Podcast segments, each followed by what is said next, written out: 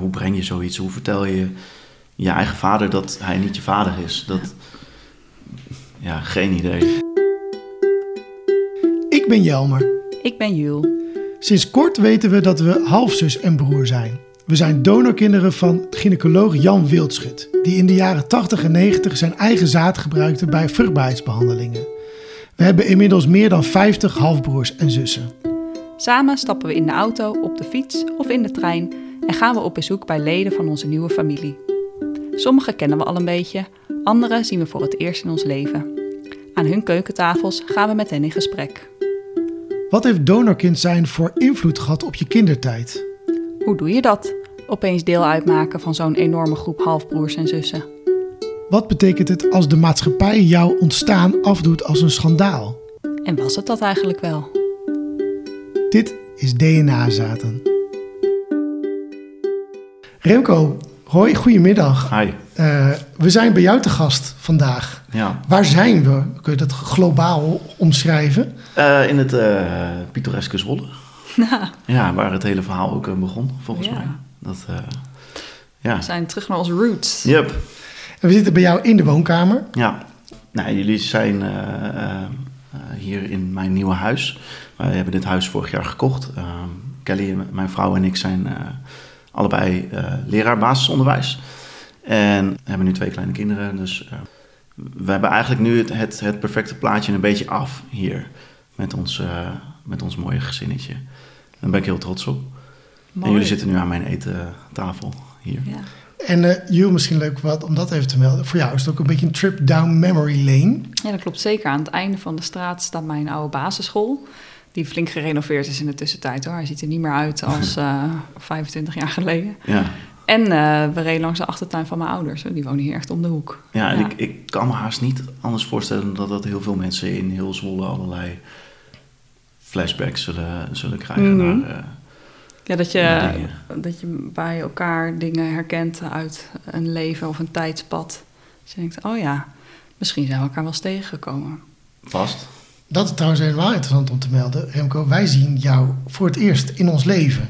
Ja, voor het eerst in het echt. Ik heb je, we hadden een keer een Zoom-meeting met iemand van Isla en daar was jij ook bij. Ja, maar goed, daar zaten ook echt twintig andere mensen voor mijn gevoel bij. Ja, En dat was mijn allereerste keer dat ik überhaupt iemand in, in beweging zag. ja. Dat is niet helemaal waar, want ik heb jullie op televisie gezien. Ehm, maar ehm, ja, voor jullie de, de eerste keer dat jullie mij zien. Maar voor mij Ja. überhaupt de eerste keer dat ik iemand ontmoet die eh, mijn halfbroer of halfzus is. Oké, oh, je hebt ook nog niemand uit de groep Nee, eh, dus, eh, één op één ontmoet of contact mee gehad. nee, dus Nee. eh, er gaat van alles door me heen. Ja? Wat, wat zoal? Daar ben ik dan wel heel, heel benieuwd naar. Wat gaat er door, door je heen? Nou ja, heel moeilijk te beschrijven, denk ik. Maar eh, ik, ik ben ook al de hele tijd eh, aan het nadenken van... oké, wat, wat ga ik dan straks denken als er twee mensen naar binnen lopen... die eh, voor de helft dezelfde genen dragen als ik. Ehm, ik. Ik had die vraag ook gelezen eh, waar ik me eventueel op voor kon bereiden... over Mhm. eh, eh, een van die tien eh, mooie loterijvragen. En een van de vragen was, hoe, hoe omschrijf je de groep... als ik het er met iemand over heb... Ja, Ja, en toen vroeg mijn dochter dus vanochtend, ehm, wie zijn die twee mensen dan die langskomen? En ik, ik heb geen idee eigenlijk. Hoe moet je dat uitleggen Ja, aan een ga ik kind haar van... vertellen dat eh, dat is mijn broer en mijn zus? Geen idee. Dat, nee, het zijn eigenlijk twee vreemde mensen die, eh, Ja, die binnenkomen. Ik weet het niet. Dus eh, als je me nu vraagt, dan voel ik nu. Ik vind het machtig interessant dat jullie er zijn. Ik vind het heel leuk. Ehm, maar ik denk dat ik daar straks een beter antwoord op kan Ja. geven. Wat gaat er door je heen? Ja. Laten we beginnen eens, want we stellen altijd eh, mensen die wij te gast hebben hier de vraag: wil je iets meenemen? Eh, eh, een, een voorwerp of een foto Ja, of een verhaal, wat dan ook, wat voor jou iets zegt. En Remco gaat op dit moment staan en er wordt iets gepakt. Ehm, we zijn heel benieuwd, wat heb je meegenomen? Ik heb er heel lang over nagedacht. Over wat ik voor voorwerp nodig heb om, om iets te vertellen over dit verhaal. En ik, ik kwam daar eigenlijk totaal niet uit. Ehm, totdat ik vanochtend, eh, nou ja, dat ben ik ook, ik doe alles op het laatste moment. Maar eh, vanochtend liep ik met mijn dochter eh, op straat hier. En toen zag ik deze veer liggen. Dus ik heb een veer meegenomen. Ik denk van een gans, want die hebben we heel veel in de buurt hier. Ehm, en een veer staat voor mij ehm, in dit geval niet zozeer symbool voor vrijheid of iets dergelijks, wa- waar, heel, waar die heel vaak mee geassocieerd wordt. Uh, maar eigenlijk symbool voor ontwikkeling en uh, onderwijs. Eigenlijk komt, komt het puntje onderwijs altijd terug in, in mijn verhaal. Ik, ben, ik weet het sinds oktober vorig jaar dat ik een, uh, dat ik een, een kind van wildschut ben. Klinkt nog steeds gek om dat te zeggen. ik heb het eigenlijk bijna nooit met iemand over namelijk. Maar ik ontdek nog dagelijks wel iets waarvan ik denk, hé, hey, dat... Hm. Oké, okay, nu weet ik waar dat vandaan komt. Waarom heb je het er bijna nooit met mensen over? Nou, het ligt heel gevoelig. Mijn, uh, mijn ouders zijn altijd uh, verteld dat het uh, zaad van mijn vader gebruikt zou worden. En dat is niet gebeurd. Nou, hij heeft, het is ook niet zo dat dat, dat vaag was of zo. Het is echt een afspraak gemaakt. Ja, Wildschut gebruikt het zaad van mijn vader bij, bij de inseminatie. En dat ligt ontzettend gevoelig bij nou, mijn vader vooral natuurlijk. Mm Wat ik me heel goed voor kan stellen. Daar heerst echt wel, uh, wel woede en verdriet en uh, onbegrip heel veel. Ja, absoluut. Dus uh, nee, ik heb het uiteindelijk ook met mijn vader hierover gehad. En nou, ook wel ja, hem wel verteld van dit hoeft niet iedereen te weten. We hebben nu dit gesprek hier en ja, dat is, dat is toch wel een, een openbaring, ook voor mij. Maar uh, ja, ik, nou, zijn familie weet dit niet. Hm. En die ga ik het ook niet vertellen. Dat, dat is ook niet, niet per se aan mij. Maar mm dat maakt wel dat, dat de kring waar met, van mensen waar ik het mee uh, over heb heel klein is. En we hebben het nu al een beetje over uh, wat jouw situatie is. Maar kan je, waar is het verhaal begonnen? Nou, voor mij persoonlijk is het verhaal begonnen uh, eigenlijk bij mijn eigen kinderen. Uh, wij hebben best wel veel moeite gehad om zwanger te raken van mijn, uh, mijn oudste dochter. Uiteindelijk is, is het wel via een spontane, eh, via een spontane zwangerschap is, is, het gelukt. En is ze gewoon op de normale manier geboren, helemaal gezond en wel. Dat is heel fijn. bij de tweede duurde dat wat langer. En toen hebben we uiteindelijk ook contact gehad met, met de huisarts. En zijn we ook allemaal doorgestuurd naar Isala. Eigenlijk het hele traject wat mijn ouders ook doorliepen. We hadden het eerste gesprek bij de huisarts. En die vraagt natuurlijk: um, heb je, is er iets erfelijks ja. waar, uh, waar je mee te maken kan hebben? Dus ik, nou ja, mijn, mijn ouders zijn in behandeling geweest in het Isala ziekenhuis. Dat was op dat moment het enige wat ik wist. Ik had daar geen namen bij of iets dergelijks. Um, maar ik legde het verhaal uit zoals mijn vader en mijn moeder het verhaal aan mij hadden uitgelegd en hoe het dan zat. Het ging over en er zat een bepaald vliesje over een zaadje heen of iets dergelijks. En dat, dat was niet goed. En dat moest uh, onderzocht worden en behandeld worden in Amsterdam. En toen ik dat verhaal vertelde aan, aan de huisarts, toen zei de huisarts: Dat is heel gek, want dat verhaal heb ik nog nooit gehoord. Nee. Volgens mij bestaat dat helemaal niet. En toen werden wij dus uh, doorverwezen naar Tisala. En uh, toen kwamen we ook in gesprek met de gynaecoloog daar. En die stelde dezelfde vraag, hetzelfde verhaal weer vertellen. En die zei ook: Ja, bestaat helemaal niet. Dat, dat verhaal heb ik nog nooit gehoord. Nou, dat, dat was zo gek. Nou, en op een gegeven moment kwam dus uh, in de loop van de tijd ook het nieuwsbericht van, van Wildschut naar voren. En het, het meest bizarre was nog wel, het eerste nieuwsbericht las ik daarover. En toen ging het echt alleen nog over anonieme donoren. Ik denk, nou, mhm. ja. dat kan niet over mij gaan, dus het zal dan wel. Wel ondertussen mijn moeder gevraagd, ben je behandeld, of ken je de naam Wildschut? Zei ze, ja, dat, was, dat is de gynaecoloog die, die ons heeft geholpen. Um, en daarna uh, zaten wij, en dat is het krankzinnige aan dit verhaal, zaten wij in de wachtkamer van de Isala. En toen kwam op zo'n televisiescherm, daarboven kwam, kwam zo'n nieuws, zo'n zo rollend uh, nieuwsbalkje kwam er voorbij. En daar mhm. stond op dat Wildschut ook bij... Uh, zaten in de wachtkamer? Ja, ja. Dat je, ja, sorry, maak je je zin even af. Daar kwam nou ja, dat het ook bij, uh, bij gezinnen was gebeurd die uh, ervan uitgingen dat uh, ze met eigen zaad uh, behandeld zouden worden. Ja. Mm -hmm. En toen dat bericht eruit kwam, toen uh, heb ik uh, de DNA-test gedaan. Die heb ik opgestuurd naar het FIOM. ja, eigenlijk wist ik de uitslag al wel. Die durfde mm. ik al wel aan. ik ben veel te nieuwsgierig om, hier, om dit niet te willen weten. Dus ik mm. zei tegen mezelf ook en mijn vrouw van, ik, ik, moet hoe dan ook die, die test doen, want ik wil het gewoon weten. blijft het aan je knagen. Ja, ja. Uh, ongeacht wat de uitslag ook is. Ook heel duidelijk uh, bij het FIOM wel neergelegd van, nou, ik, ik hoef alleen maar te weten of ik verwant ben aan uh, Jan Wildschut. Als er iets anders uitkomt, hoef ik dat verder niet, niet te weten, vind ik niet interessant. Maar dat, dat, de nieuwsgierigheid die won. En ehm, toen ik de uitslag kreeg, toen was wel het enige wat ik dacht was echt, ja shit, ik moet het ook met mijn- mijn vader gaan vertellen. En hoe ga ik dat Ja. in vredesnaam doen? Ja. Want ik kan nu niet meer naast hem gaan zitten en doen alsof er niks aan de hand is. Nee. Alsof ik niks weet. Nee. Want ik heb het hier ook nooit met hem over gehad. Wij, wij praten eigenlijk überhaupt niet zo heel veel. Ehm, ja, de- eh, dat was, dat was eh, heel moeilijk. En want wisten jouw ouders dat jij een test had laten doen? Had je dat Nee. met hen besproken? Nee, ook niet. Nou, ik, ik heb heel veel steun gehad aan mijn vrouw.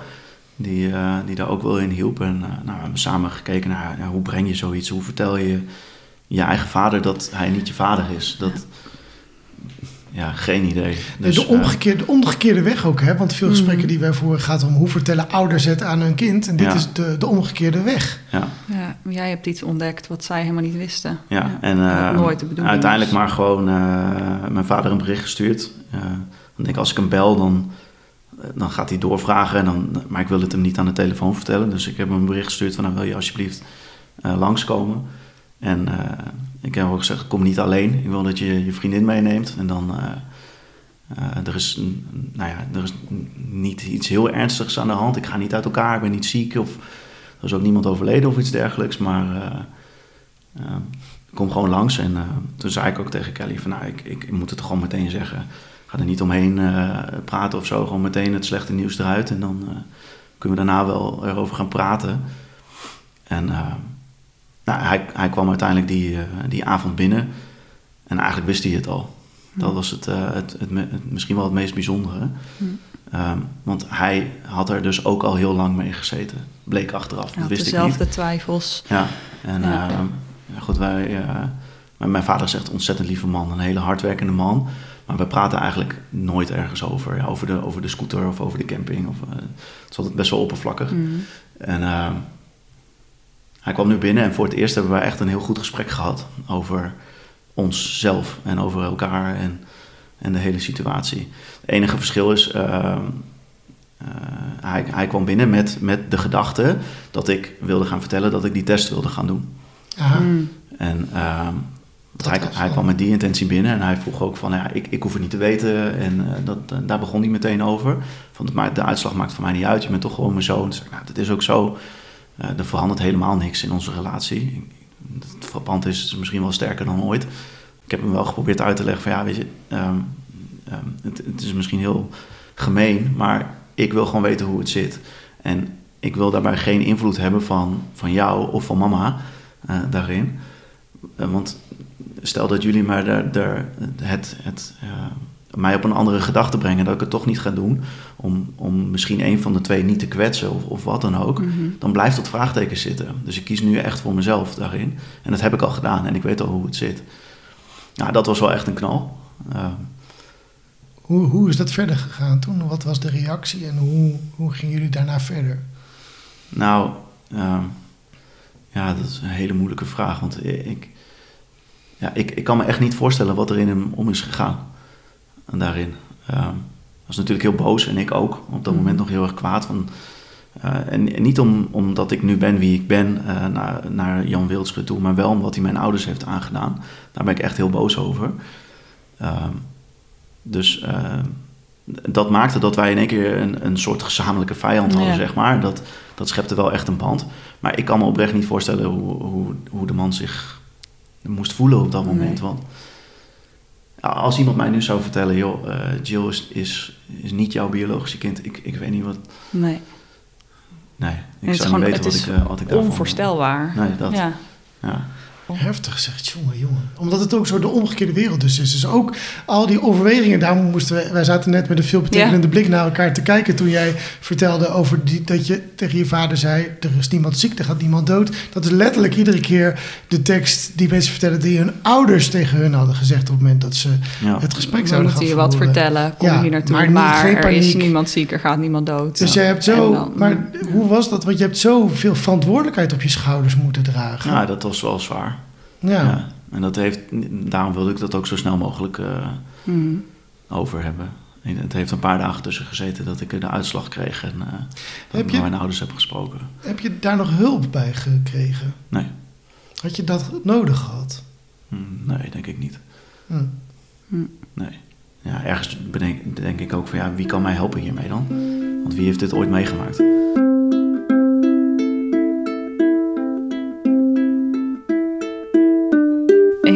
Je zegt sinds dat ik dat aan mijn vader verteld, is onze band misschien juist wel sterker geworden. Ja. Wil je daar iets over vertellen? Want eigenlijk, eh, mijn ouders zijn gescheiden toen ik, heel, eh, toen ik jong was, toen een jaartje of tien volgens mij. En eh, daarvoor zag ik mijn vader überhaupt maar weinig. Die, die werkte overdag heel veel. En daarna ging ik één keer in de twee weken ging ik naar hem toe. Nou, dan sprak je hem wel, maar niet, niet super vaak. En dan was het ook altijd... Gesprekken waren oppervlakkig en onze interesses lagen ook heel erg anders. Hij was een hele sociale man. Heel, eh, hij was, hij is een hele sociale man. Heel eh, grappig en eh, altijd onder de mensen. En een harde werker, eerlijk. Maar ik was al- altijd, niet dat ik dat allemaal niet ben, maar altijd een beetje op mezelf. Altijd bezig met allerlei creatieve uitingen, aan het tekenen, aan het gamen. Was ik heel erg van. Technologie vond ik interessant. Maar wij hadden qua interesses helemaal niks wat op elkaar leek. Mijn moeder trouwens ook niet. Die had er ook niks mee. Ik ben altijd bloedfanatiek geweest in spelletjes en zo, maar wij speelden nooit spelletjes thuis. En dat eh, vonden ze niet interessant, vonden ze niet leuk. En nu hadden we echt in één keer iets heel intiems samen. Mhm. Ja, dat is toch wel heel. eh, dat vind ik iets heel moois. Ben je, merk je bij jezelf dat er nog iets in is veranderd? Sinds- Je weet het nu, drie kwart jaar, zoiets? Oktober. Is er iets nog in jou veranderd? Is er een proces gaande in dat je nog anders naar de situatie kijkt? Ik, ik vind het heel moeilijk om. eh, ik, ik lees heel veel, eh, heel vaak reacties van mensen. En van onze broers en zussen dan, die. eh, eh, altijd wel heel. eh, die proberen heel erg genuanceerd te blijven. Hè, van we weten niet hoe het toen ging. En, maar ik heb ook verhalen nu van mijn ouders gehoord over die behandeling. Eh, en, en hoe dat toen ging. Dat ik, ik, ik kan eigenlijk alleen maar heel erg boos zijn op de man. Mhm. En dat vind ik wel een. Eh, er zit wel een groot contrast in tussen wat ik soms lees van sommige mensen en, eh, en hoe ik er zelf in sta. Zo was er laatst een berichtje. Volgens mij gaf jij, eh studie, het berichtje over. eh, het ging over donorkind, de dag van het donorkind. Dat Met, zou eh, kunnen, dat weet ik niet meer Iets met eh, gefeliciteerd met de dag van Oh ja. het eh, donorkind. ja, En ik, ja, maar- dat is wel maar- een beetje sarcastisch van me, hè? Ja, die kan ik ook wel verder, verder wel plaatsen. hoor. Maar ik denk eigenlijk is dit. eh, ik moet mijn vader dat niet laten lezen. Hm. Nee. Want dat is echt zwaar beledigend. Ja, En, eh, ja. En, en heel erg confronterend. Oeh, dat je, als je dat zo zegt, denk ik ook, shit, ja, dan sta ik daar dan voldoende bij stil. Hoe gevoelig dat het voor, voor, voor mensen ook kan zijn. Ja. Ja, je hebt het tegen wil en dank ineens een donorkind, terwijl dat nooit Ja, afgesproken heb- was en was nooit niet mijn keuze, maar ook niet hun keuze. Nee, precies. Nee. Voel jij je voldoende daarin gehoord of gezien? Maar ik, ik denk zelf dat de mensen die, eh, net als ik, de, de KIE-behandeling hebben gehad en die er nu Mhm. achter komen, veel minder makkelijk praten hierover dan de Ja. mensen die een anonieme donor eh, gehad hebben, omdat het zo gevoelig ligt. Ja. Ja. Ja, heel eerlijk, eh, ik twijfel nog steeds of dit een goed idee is om hier met jullie te zitten en te praten. ja. Waar, waar zit die twijfel Omdat het dan openbaar wordt. Omdat, eh, ja, omdat, het, eh, omdat ik mijn vader kan kwetsen. Mhm. daarin. Vooral mijn vader zeg ik dan ook. Ik heb me ook gevraagd aan mijn moeder, wat, hoe voel jij je erover? Mijn moeder gaat daar iets makkelijker mee om. En ze zegt, ik, ik heb jou meteen vastgehouden en ik weet dat jij Mhm. voor mij bent. Dus je bent sowieso mijn zoon. Dus, ook zij is heel verdrietig voor mijn vader. Ja, het is natuurlijk totaal anders wanneer je als ouders een keuze hebt gemaakt en dat je kind nooit hebt verteld. Want dat, dat komt natuurlijk heel veel voor. Dat je pas op latere leeftijd erachter komt dat je, je opvoedvader niet je biologische vader is. Ja, Maar dat het, de onderlinge dynamiek is natuurlijk heel anders wanneer ouders dat bewust niet hebben verteld. ja. Of wanneer ouders er ook helemaal niet van op de hoogte Ja, waren. mijn ouders En zijn eigenlijk juist heel open daarover geweest Ja. altijd. Van, we hebben die behandeling die gehad. zijn want we natuurlijk enorm moeite mee. bedrogen. Maar je je nooit kunnen voorstellen dat dit, eh, dit het geval zou zijn. Nee, dit verzin je niet natuurlijk. Nee. Je, ik, ik, ik- ja, je, ik zie het eigenlijk een beetje als een soort van... Ja, je, je- bent geadopteerd, maar je ouders weten het niet. Dus ze kunnen er Ja. geen rekening mee houden. Nee. Daar Ja. komt het eigenlijk op neer. Het, het voelt ook nog steeds alsof ik iemands anders verhaal vertel. Ja, ja. Alsof het niet over mij gaat. Ja. Ja. En want hoe is het dan voor, kijk, je bent eh, heel boos over wat er is gebeurd. Dat is denk ik heel begrijpelijk. Aan de andere kant stam je af. Ben je genetisch verwant aan degene op wie je heel boos bent. Ja. Hoe, kan je, hoe kan je dat met elkaar verenigen? Eh, eh, ja, ik weet nog niet of ik dat al, al, al gedaan heb. Of dat ik, hoe ver ik daarin ben, weet ik nog niet. Ehm, het zijn wel, wel gekke gedachten. Ja. Je denkt van, oké, als... Het gaat zelfs zo ver dat je op een gegeven moment denkt van nou, als, als eh, zo'n man als eh, Wildschut in staat is om zoiets te doen, waarvan hij heus wel heeft eh, beseft dat het eh, niet oké was, daar was hij slim genoeg voor. Mhm. Met alle gevolgen van dien. Dat had hij zich ook wel kunnen bedenken. Ben ik daar dan, dan bijvoorbeeld ook toe in staat? Zou ik zoiets kunnen? Mhm. Ja, dat is wel ingewikkeld. Ja. Ja. Ik denk Ja, niet dat ik- ik het.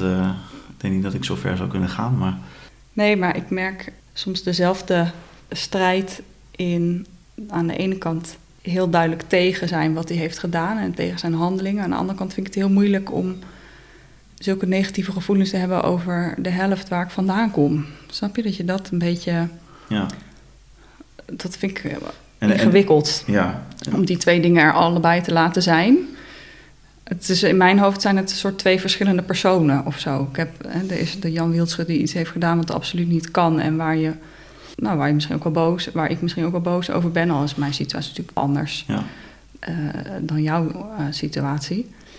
En aan de andere kant is er een andere Jan Wildschut die mijn vader, mijn biologische vader is. En waarin ik dingen van mezelf herken. Of hè, waarin ik een beetje op zoek ben van, oh ja, wat heb ik van jou? En maar ik vind het moeilijk om die twee mensen als één persoon te zien. Nou, ik eh, ben eigenlijk vooral nog maar bezig geweest met, met die eerste versie. Ja. Met de, de man die iets, eh, iets slechts heeft gedaan. Mhm. Helemaal omdat ik de verhalen van mijn, eh, van mijn ouders ook hoorde. Van mijn moeder die bijvoorbeeld zei dat ehm, eh, Jan Wildschut ehm, de zaadjes met mijn vader heeft bekeken onder een microscoop.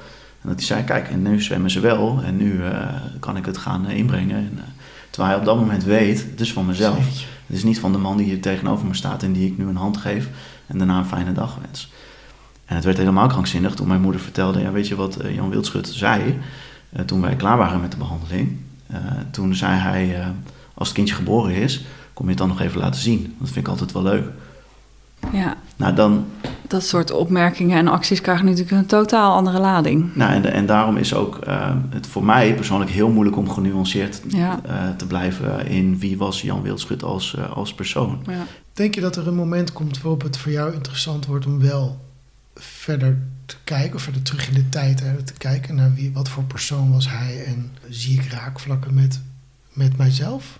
Ja, ik heb ook dat verhaal van eh, Jan Wildschut gekregen. Nou, dat vond ik wel interessant om te lezen. Dat, dat is wel een heel positief verhaal. Dat, eh, voor de duidelijkheid, dat is het verhaal wat er geschreven was door zijn eigen ehm, eh, kinderen die uit zijn huwelijk eh, voort zijn gekomen, door zijn zoon volgens mij. Ja. Mhm. Is dat verhaal geschreven. Dus dat is best wel een rooskleurig verhaal. Eh, dat vond ik wel heel, heel mooi, heel interessant om, eh, om te lezen wat hij allemaal bereikt heeft. Maar elke keer denk ik wel in mijn achterhoofd. Maar dat komt ook omdat je dat hebt gedaan. Ik, eh, ik vroeg op mijn moeder op een gegeven moment van... eh, eh, had hij naast, ehm, ehm, eh, naast het willen helpen van mensen... nog een andere reden kunnen hebben om, te, om dit te doen? Mhm. Want ik, kan me, ik kan me heel goed voorstellen dat hij heel moeilijk om kon gaan met, met telkens teleurgestelde gezinnen. Omdat er een donor niet op komt dagen. En dat je dan een keer denkt. Ja, precies. Nou, eigenlijk kan ik me dat niet goed voorstellen. Maar ik, ik kan me Ja. voorstellen dat je, dat je mensen wil helpen. En dat, dat het op een gegeven moment. wanhoop dat je over een grens gaat. Ja, met de gedachte van, nou, er komt toch nooit iemand achter dat je dat, je dat zou kunnen doen. Maar eh, toen zei mijn moeder ook, eh, ja, er was geen enkele reden om dat te doen, want het zaad van je vader was goed. Mijn zusje is, eh, is na mij uit een spontane zwangerschap geboren. Dus eh, met het zaad van je vader was niks mis. Het, het zat hem bij mij. Ja. Dus hij heeft gewoon het überhaupt niet eens geprobeerd met het zaad van je vader. Hij heeft er gewoon dat van zichzelf eh, gebruikt. Ja, dat, dat maakt allemaal eigenlijk ook dat ik ergens misschien niet wil zoeken naar de raakvlakken tussen, Ja. tussen mij en eh, Jan Wildschut. Maar ik denk dat de nieuwsgierigheid wel gaat eh, winnen. En ehm, is er dan een bepaald... Oh ja, Mag ik ook een vraag stellen? Ja. Eh, Hebben jullie dit soort verhalen wel eens gehoord? Ik moet zeggen, ik, vind, ik, ik merk de afgelopen vijf minuten dat ik dit eh, heftig wel vind. Want zo Ja. heftig heb ik het tot nu toe nog niet Nee. gehoord, nee. Eh, en dat, daar, ja, daar schrik ik best wel van. Ah, schrikken is misschien niet het goede woord, maar ik vind het gewoon heftig. En ik denk, oh jeetje. Wij zijn ook door een proces gegaan, want eerst was alleen het nieuws Mhm. eh, dat eh, het zou gaan om, om gevallen van eh, KID met donorzaad. En dat Jan Wildschut daar zijn eigen zaad voor had gebruikt. En ik merk natuurlijk vanaf het moment dat KIE daarbij kwam. Mhm. Dus mensen dachten met het zaad van de, van de eigen vader zwanger te zijn geworden. En dat bleek niet zo te, te zijn. Toen, kon ik, toen konden wij het allemaal ook niet meer uitleggen. Toen was er geen narratief meer dat, Nee. Ehm, dat daar een verklaring voor geeft. Ehm, maar ik merk altijd bij mezelf, maar zo de luxe positie waar ik zelf in zit, dat ik er liever voor, voor wil kiezen om gewoon niet te weten wat de oorzaak is geweest. Een soort van, we, we weten het gewoon niet, want er is niks over terug te vinden. Ja, misschien is dat wel een soort van mijzelf in, on, on- in onwetendheid hullen en daar blijft het draagbaar voor of zo voor Mhm. mij. Dus ik merk dat ik het heftig vind om, om zo de afgelopen, afgelopen minuten naar je te luisteren. Dat ik het heel goed snap, hè, wat je vertelt. Ja. Dus ik, ik, ik, het raakt me wel diep, ja. Misschien hebben we het ook nog wel te weinig gehoord tot nu toe, omdat het zo moeilijk is. Ja. En het is allemaal nog zo recent, je zit er nog middenin. Dus eh, dat, dat tot op dit moment er eigenlijk nog niemand is geweest die dat zo heeft kunnen vertellen. Ja. En waar je dan doorheen gaat of hoe zo'n ontdekking is. Ik merk een beetje hetzelfde als jou, Jan, maar dat ik denk ergens heb ik dit stukje misschien ook weggeduwd omdat ik er niet helemaal aan wil. Dat het Ja. echt zo vreselijk is wat er is gebeurd en wat hij heeft gedaan. Ja. Omdat ik het zo lastig vind om dat te vereenzelvigen. Want ik kom wel, ik ben eh, een biologisch kind van hem. Wat zegt dat dan over mij? Ja, en dit is dan inderdaad, eh, nou, als je vraagt van vind je, vind je dat eh, deze kant van het verhaal te weinig belicht wordt, weet ik niet of het te weinig is of te veel of wat dan ook, maar ik, ik heb hem nog niet zoveel voorbij zien komen. Nee. Maar ik kan me heel goed voorstellen waarom. En eh, ik heb de uitnodiging ook gezien voor al de televisieuitzendingen, et cetera. En ik, dat, is niet mijn plek. Ik ga daar niet zitten. Nee. Ik ga niet op eh, nationale televisie vertellen over dat mijn vader niet mijn vader is. Dan kan ik mijn vader niet aandoen. Nee. Want, want eh, waar zit hem dat dan in? Zit dat ook nog in een stukje schaamte of gezichtsverlies Ja, van je ouders? Terwijl Ja. wa- zij zijn natuurlijk alleen maar slachtoffer. Zij hebben ze zelf hierin niks verkeerd gedaan. Ik, ik denk wel het stukje schaamte misschien wel, ja. Maar waarvoor? dat- toen, toen mijn vader ook vertelde van, nou, ik, ik, eh, ik hoef het niet te weten en eh, we, we gaan, je hoeft dat onderzoek niet te doen. Toen hij dat meteen zei, dacht ik, ja, oké, het, het ligt, het ligt gewoon heel gevoelig. Ja, of is het gewoon te pijnlijk om te weten en Ja, om steeds maar wel. weer op te rakelen? Ja, en misschien Ja. staat hij er nu anders in, dat weet ik niet. Dat je in zoiets nu- existentieels een, tijdje niet bedrogen. Ja, we hebben nu een tijdje niet hierover gesproken, dus hij heeft ook wel iets meer tijd gehad nu om het een plek te geven misschien. Maar ik heb toen gewoon aan hem beloofd van, nou, ik ga echt niet met mijn kop op televisie hier eh, over babbelen, dus dat ga ik ook niet doen. Nee.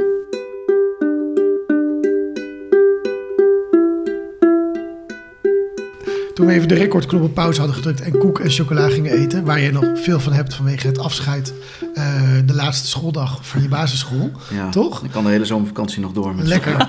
wij, wij eten vandaag Ja. even met je mee. Maar we hadden tijdens de chocola en de koeken over eh, nature nurture. En over ehm, eh, waar, zie, waar zie je jezelf toe in staat, bijvoorbeeld. Want jij vertelde, daar heb je nog niet, niet zo heel veel over verteld. Maar jij vertelde dat je best wel hebt geworsteld in je, je, in je scholierentijd en vooral je studententijd Ja. later. En dat er nu een, een belangrijke stap in is gezet. Eh, wil je daar iets meer nog over vertellen? Ehm, op het moment dat ik de, de, de FIOM, eh, van de FIOM, eh, de, de contactgegevens van jullie onder andere kreeg, toen stond er ook bij wat voor beroep jullie hadden. Dat was zo bizar. Het was allemaal of een creatief beroep, of onderwijs, of zorg. Ja. Ik denk, nou, hoe dan? Ja. Dat, eh, ik, ik ben zelf ook eh, nou, vrij creatief. Ik vind het wel gek om daar over mezelf te praten daarin. Maar eh, ik ben ook port- portrettekenaar. Ik ben zelf ook leraar dus. Allemaal raakvlakken. En toen kwam ik op een gegeven moment op, op de Facebookpagina. Nou, dan las ik nog veel meer persoonlijke verhalen van mensen. En het was ja, e- echt een hele grote eye-opener... dat bijna iedereen creatief zorg of onderwijs eh, Mhm. eh, met zich meedroeg en ho eh, hoog opgeleid was. Hoe kan dat dan? Ja. Is dat dan, is, is dat, dat kan geen toeval zijn. Nee, Als je van, van 50 mensen zoveel hoogopgeleide mensen hebt zitten. Nou, zeker, want een heel aantal uit gezinnen komen waar helemaal niet ho- hoger opgeleid zijn de norm was. Nee, Mhm. en, en dat, dat was wel echt inderdaad het punt dat je denkt: oké, is, is het alleen je opvoeding? Nee, absoluut niet. Het kan niet zo zijn dat, dat eh, mijn beide ouders en eigenlijk mijn complete familie allemaal onopgeleid of laag opgeleid is. Ik, moet trouwens wel even een kanttekening. Ik ben heel erg tegen het... eh, Ja, de eh, termen hoog tegen en de laag. termen laag en hoog. Maar Ja, goed, laten we het daar praktisch dan... eh, theoretisch. dat, is, dat is voor een ander verhaal. Ja. Ja, Uh, maar dat dan, ja, ik dat niet heb. En dat ik, ja, eigenlijk fluitend door de HAVO ben gewandeld, maar nooit heb geleerd hoe ik moest leren. De, de moeilijkheden die ik destijds tegenkwam, er is heel vaak tegen mij gezegd dat ik lui was. Dat ik uh, ja, gewoon beter mijn best moest doen, beter moest opletten, gewoon meer discipline moest krijgen, dat soort dingen. Uh, maar toen kwam ik op het uh, beroepsonderwijs, nou, daar ging ik wel zo falikant onderuit. Dat, uh, dat ik echt dacht van, ik ben gewoon geen student. Ik ben daar niet slim genoeg voor, ik kan dat niet. Dus ik ben gaan werken, onder andere bij Isala in het uh, mooie archief waar we het uh, regelmatig Oh, over gehad hebben. Ik heb waarschijnlijk uh, de dossiers allemaal zelf in mijn handen gehad, Oh. waar we het over gehad hebben. God, hoe is mogelijk? Ja, maar nu, de conclusie is wel dat ik met al die realisaties van nu en, en ook inderdaad mensen die uit een gezin komen als dat, als dat van mij, die het dan uiteindelijk toch gehaald hebben, toch de keuze gemaakt om dan te gaan proberen eruit te halen wat er echt in zit. Dus ik ga na, na tien jaar struggelen op het HBO en uh, gezegd hebbende dat ik, daar, dat ik nooit meer ging studeren, uh, ga ik na de zomer uh, op de universiteit beginnen. Ja. Wat gaaf. Ja. Wat, wat ga je doen? Ik ga Educational Science and Technology studeren in Enschede. Dus, Wow. vertaald onderwijskunde en technologie. Was dit anders ooit in je opgekomen om dit te Nee, gaan doen? absoluut niet. Dit durf ik wel aan. Ja. Zegt het iets over wat voor, daar ben ik nou nog wel benieuwd naar. Wat voor, wat voor leraar ben jij? Ja, ik, ik sta wel bekend als de leerkracht die constant iets aan het ontwerpen is. En uh, ik heb heel veel stage gelopen op allerlei verschillende scholen. Het meeste is toch vrij traditioneel. En dat past totaal niet bij mij. Ik, ik, ik kan er niet tegen als, als kinderen bij mij in de klas allemaal uh, bladzijde 32 moeten openmaken en iedereen gaat opdracht 2 maken. Ik kwam uiteindelijk een vacature tegen in Kampen, op de school uh, waar ik werk. Uh, vernieuwingsonderwijs, waarin eruit werd gegaan van de kracht van de leerkracht. Dat uh, uh, zijn blik op het, uh, op het kind belangrijk is, gepersonaliseerd leren. En ik kan daar volledig mijn ei kwijt, nog steeds. Ik, zit, ik ben daar heel gelukkig als, als leerkracht. En inderdaad, wat je zegt, constant dingen zelf aan het ontwikkelen en, en aan het proberen. Ik heb de vrijheid om dingen te mogen proberen, dus daar ben ik heel blij. Dus Ja. wat, uh, wat, wat hebben leerlingen van meester Remco zo al moeten doors, doorstaan? Nou, eh, in het begin, in het begin eh, stond ik heel erg bekend als eh, de, de Minecraft-meester. Ik heb mijn scriptie daar ook over geschreven, eh, mijn afstudeerproject.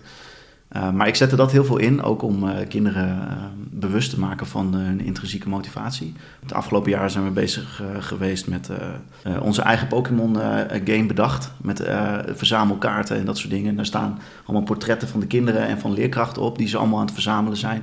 Ondertussen zijn ze via die kaarten aan het begrijpen lezen en aan het rekenen om dat spel te kunnen spelen. Ja, Ah, superleuk. J- Jij kan heel veel. Als je je maar beseft dat het erom gaat of je dat wil of niet.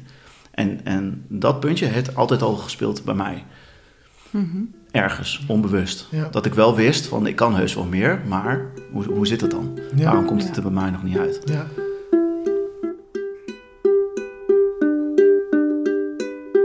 Aansluitend op waar we het net over hadden, Remco. eh, dat gaat natuurlijk een beetje over nature-nurture. Wat krijg je mee vanuit je DNA? Wat krijg je mee vanuit je opvoeding? Mhm.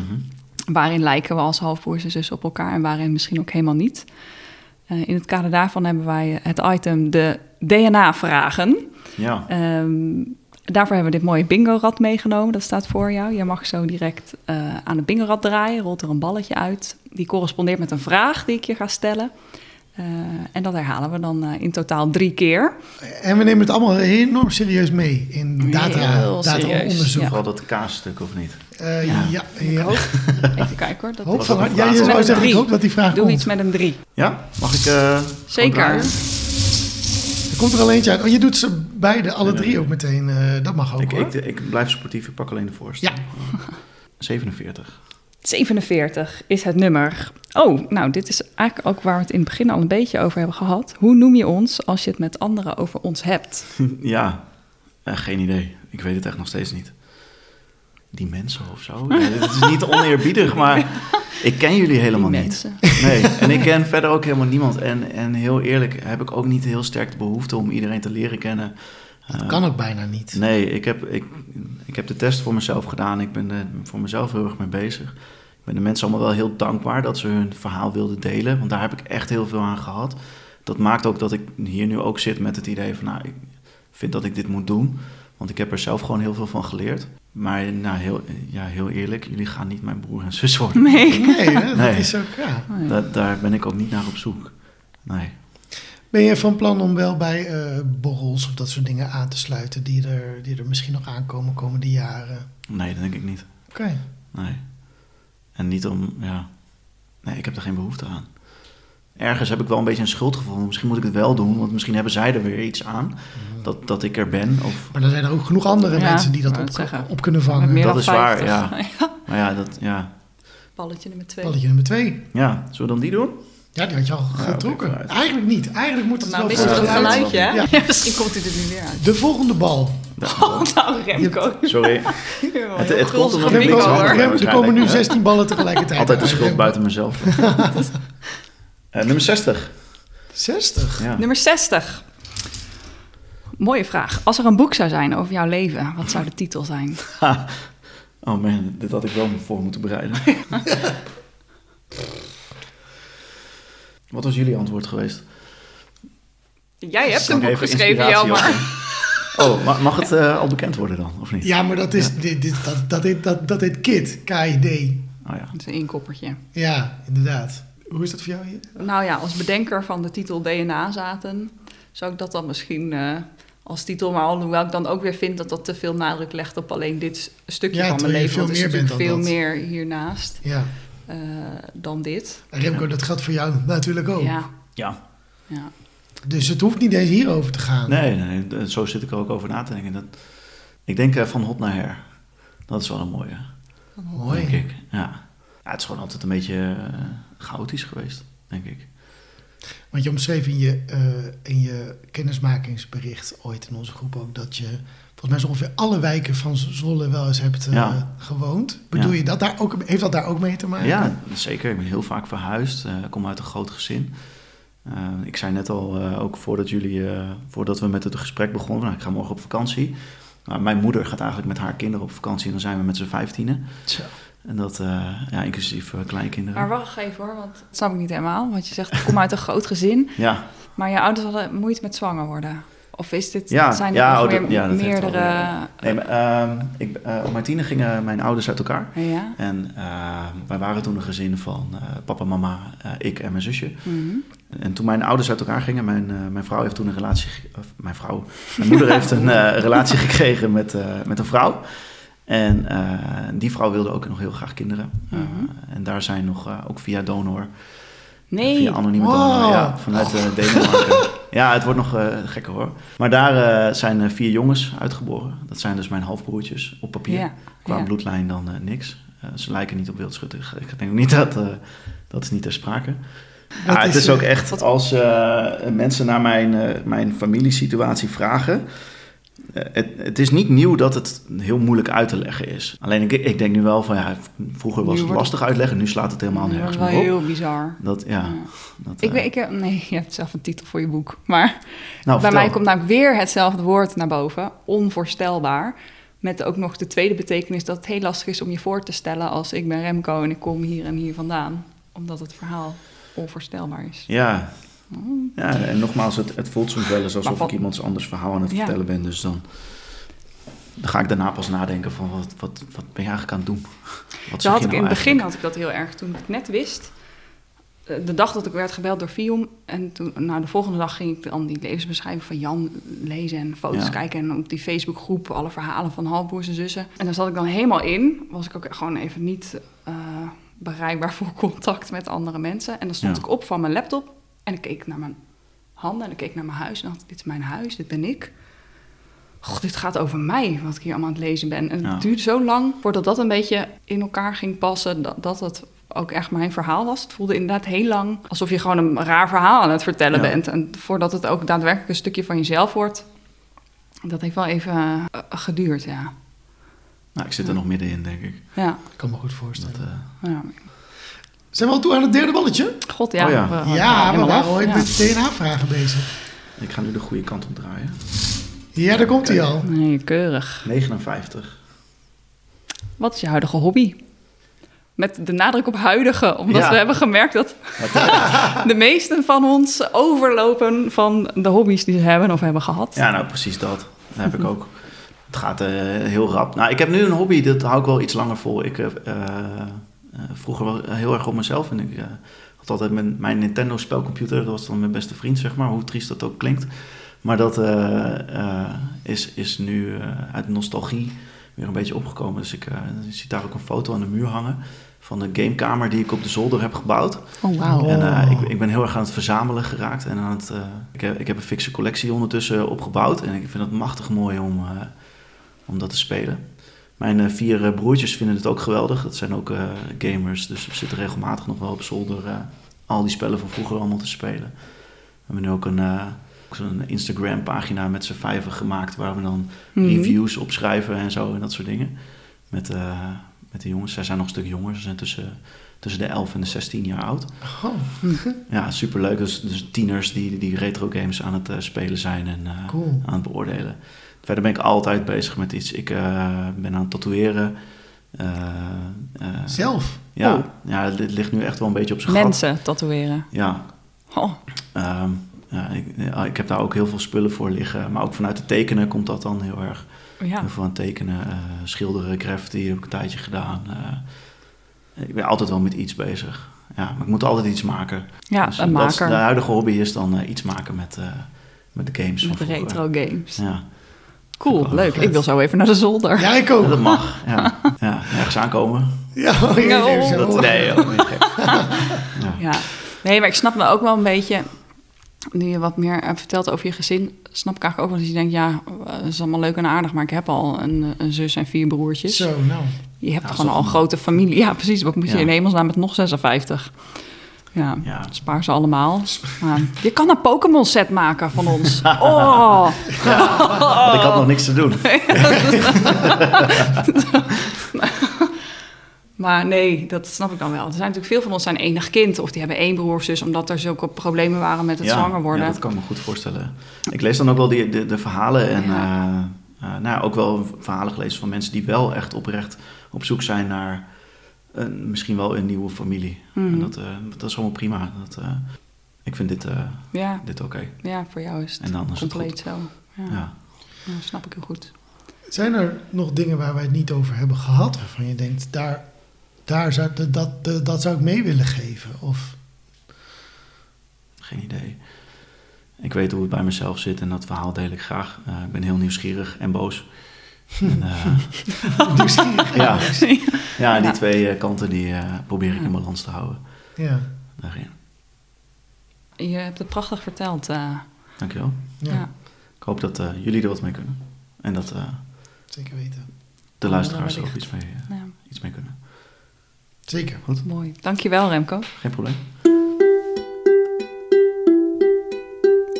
Dit was DNA Zaten, een podcast van Jelmer en Jules, donorkinderen van gynaecoloog Jan Wildschut. Over dit verhaal schreef Jelmer de roman Kit, KID, die nu in de winkels ligt. Heb je behoefte aan meer informatie? Kijk dan op de websites van FIOM, Stichting Donorkind of het landelijk informatiepunt Donorconceptie. De linkjes vind je in de show notes en op dnazaten.nl. Wil je ons volgen? Kijk dan op Instagram, @dnazaten. Volgende aflevering, Marije. Ik moet zeggen, de allereerste keer voelde het echt een beetje alsof je op date gaat. Ja, dat, dat wou ik echt precies zeggen. Voelt als daten. Ja.